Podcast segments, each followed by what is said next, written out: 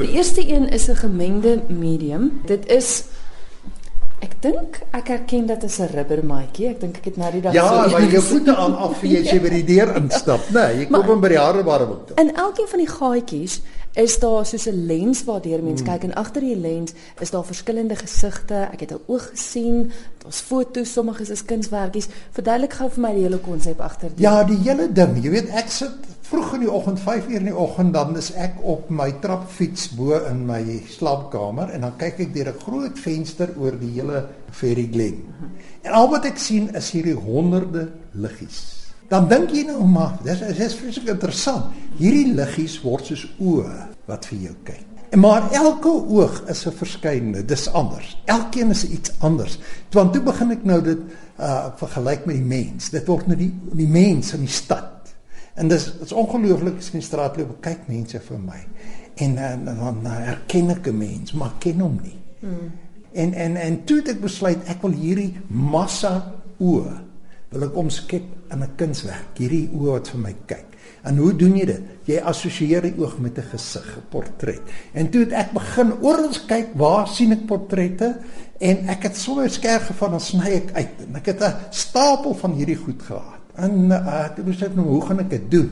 En toe besluit ek hierdie maatjies. Ek was in die hareware winkel en ek sien hulle nog, ah, hier's hy.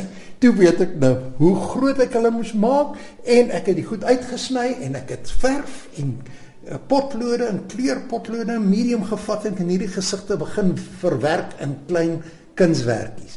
En hier is nabyskote van 'n gesig baie naby, baie selfs net 'n oog, maar is elke keer 'n gesig en hier is 300 verskillende gesigte in hierdie in hierdie kunswerk. Ja, want elkeen is omtrent so groot soos 'n R5 muntstuk.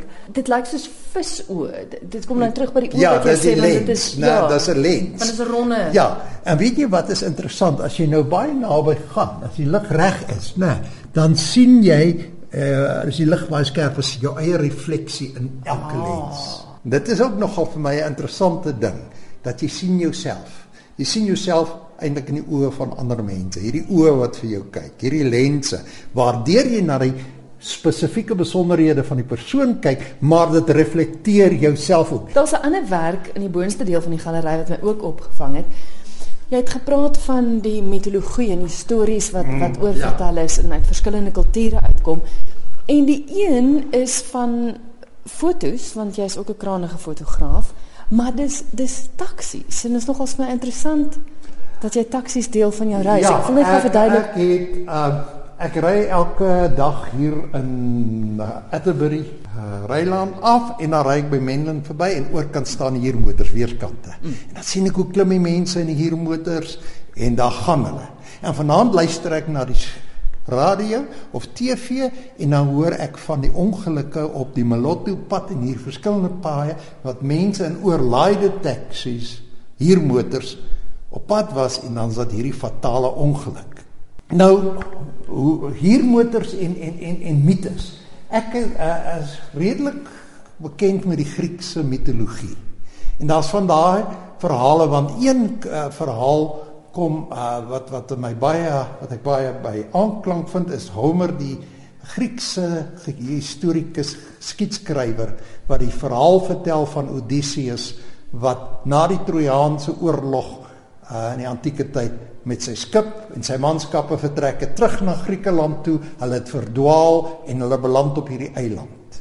En hierdie eiland is wat hulle vertel het op daai eiland of op die spesifieke eiland moet jy baie versigtig wees vir die Medusa. Hmm. Want die Medusa is hierdie mitiese wese wat hare het wat slange is. Die slange is die hare.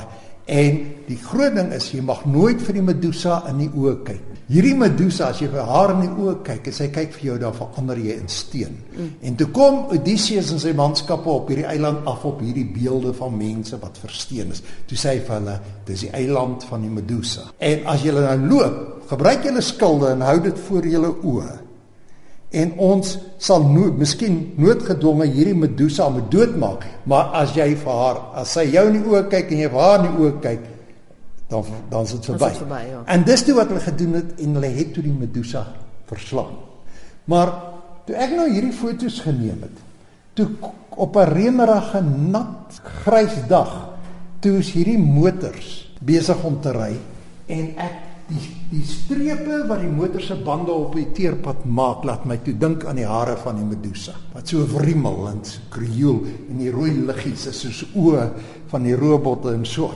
En toe onthou ek van 'n baie bekende kunswerk van die Franse kunstenaar Gerigard wat in uh, 1818 'n kunswerk geskilder het na aanleiding van 'n tragediese gebeure toe 'n Britse skip by Mauritanië op die rotse geloop het aan die Afrika kus en dis 'n woestyngebied en hulle het besef dat hulle gaan dit nie oorleef nie, uh, hulle moet wegkom.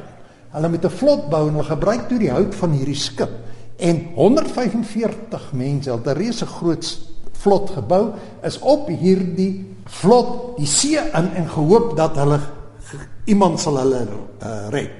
En hulle het vir 3 weke of tot 'n maand het hulle gedryf op die see en van die 145 wat aanvanklik op die vlot geklim het, het net 15 oorleef.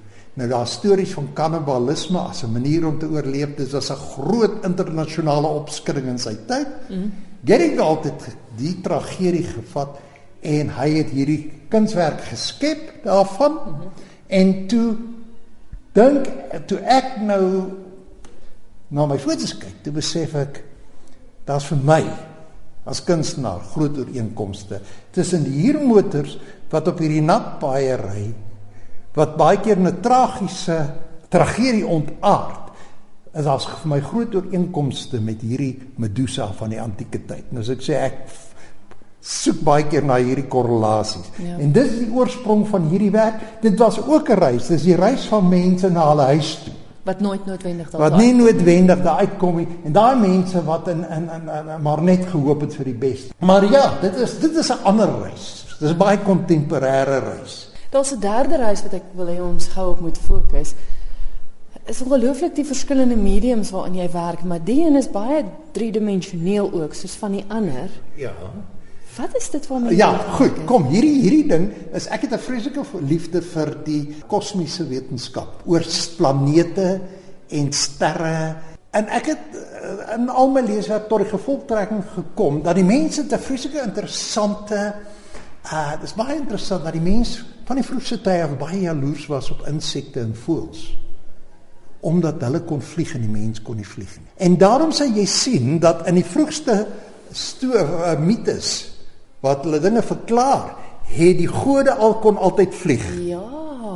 En daarom het die Grieke het hulle gode het vreeslike menslike eienskappe. Maar die ding wat hulle daai een trappie bo die mens gelig het, dat hulle kon deur die ruimte vlieg. En as jy op die vase gaan kyk wat in Griekeland in 500 600 voor Christus geskilder is, baie keer hierdie mitiese figure, hierdie godinne wat maar dit vlerke, hulle kan vlieg. En so dit aangaan vir honderde jare eh, Leonardo uh, Michelangelo het daarmee gespook. Hy het uh, sy eerste vliegtye beplan en so aan. En die mense het gedink dat hy sal nooit kan vlieg nie, maar hy het altyd geaspireer. Dis die groot ding as ek tog net kan vlieg. En die 20ste eeu kom En te vlieg ons. Daar vlieg ons. nou vlieg ons, né? In hierdie werk kan jy sien al hierdie klein mannetjies, hulle vlieg soos voels ja. deur die ruimte, maar is 'n heelal. En toe besef ek maar jy weet nou dat die mens kan vlieg. Dit dit gaan nie net oor die vlieg nie, dis nou die geleentheid wat die mens gaan gebruik en ek glo dit gaan gebeur om sy kultuur saam met hom te vat as hy die heelal verken. Want daar is niks in die geen kultuur wat ons van weet wat in die heelal bestaan nie. Mm. En ons as mense gaan hierdie planete wat totaal soos die maan, dis dis amper 'n nuttelose, dis net 'n rots, né? Ons sal hom moet kolonialiseer. Ons sal ons kultuur moet vat na daai maan toe, na daai na Mars toe, dis wat hulle beplan, mm. né? En ons gaan ons kultuur vat en dan gaan ons op hierdie planete, in maane, gaan ons 'n nuwe wêreld skep want dis al ses wit sirkels. Ja. So dit is dan nou die die planete. Die idee dat hmm. ja, dat dit en jy sal sien dit begin by hierdie een. Hier is net organiese lewe, die vroegste vorm van lewe. Ja. Dis hoe ons planeet ook maar sy lewe gekry het, ja. organies. En dan gaan daar met geleidelik gaan lewensforme begin ontwikkel. Ja, en ons visse Na, en dan gaan ons wat gaan ons bring? Ons kennis oor oor die wetenskap en wiskunde, mm -hmm. syfers en getalle. Ons gaan taal vat bring na daai hoek toe. Ons gaan die natuurlike materiale uit die omgewing uit gebruik van daai planeet en ons gaan dit konstrueer. Ons gaan ons ruimteskepe en en weet jy wat gaan ons saamvat? Ons antieke kultuur. Jy sal sien hierdie fragmente van die antieke kultuur en ons wetenskap, ons tegnologie. Maar die ironie is dat hierdie goed jy sien lyk baie plastiek. Hulle is hulle is baie kunsmatig. Ja, wat sê, dit lyk vir my dit lyk vir my vir van jou kleinkinders ja, se selfies ja, ja. so gesteel. Ja, ek het baie van my kleinkinders se goed. Hulle hulle hulle hulle hulle speel goed bly gedurig in die slag as ek kuns maak, jy weet. Maar maar kyk hier so uh, ja, dan dan ek het 'n ek het 'n kunsmatige sintetiese mm, mm. wêrelde wat ek skep, want dis hoe ek dit voorsien. Ja. Daar gaan niks nie natuurlik organiese goed wees soos ons dit sou verstaan nie. Ons sal alles wat ons daar wil hê kunsmatig moet skep, selfs 'n tuin. En hoe gaan jy tuin op die Mars eh, op die maan maak? Daai werk kyk Ek het besef dat ek sou maar moet vir my blomme uitsny en plante uitsny, plastieke, metaal en ek sal 'n kunsmatige wêreld moet skep. Sjoe. En dit is waaroor hierdie werk eintlik gaan, die die verkenning, die reis na die heelal toe, maar hoe ons dan nuwe kulture gaan skep in nuwe plekke en ou kultuur saam met ons vat, maar ons gaan op totaal nuwe wêrelde skep wat uit die omgewing uit die materiaal wat beskikbaar is, die metale en wat ook al, sal ons ons hierdie nuwe wêrelde moet skep.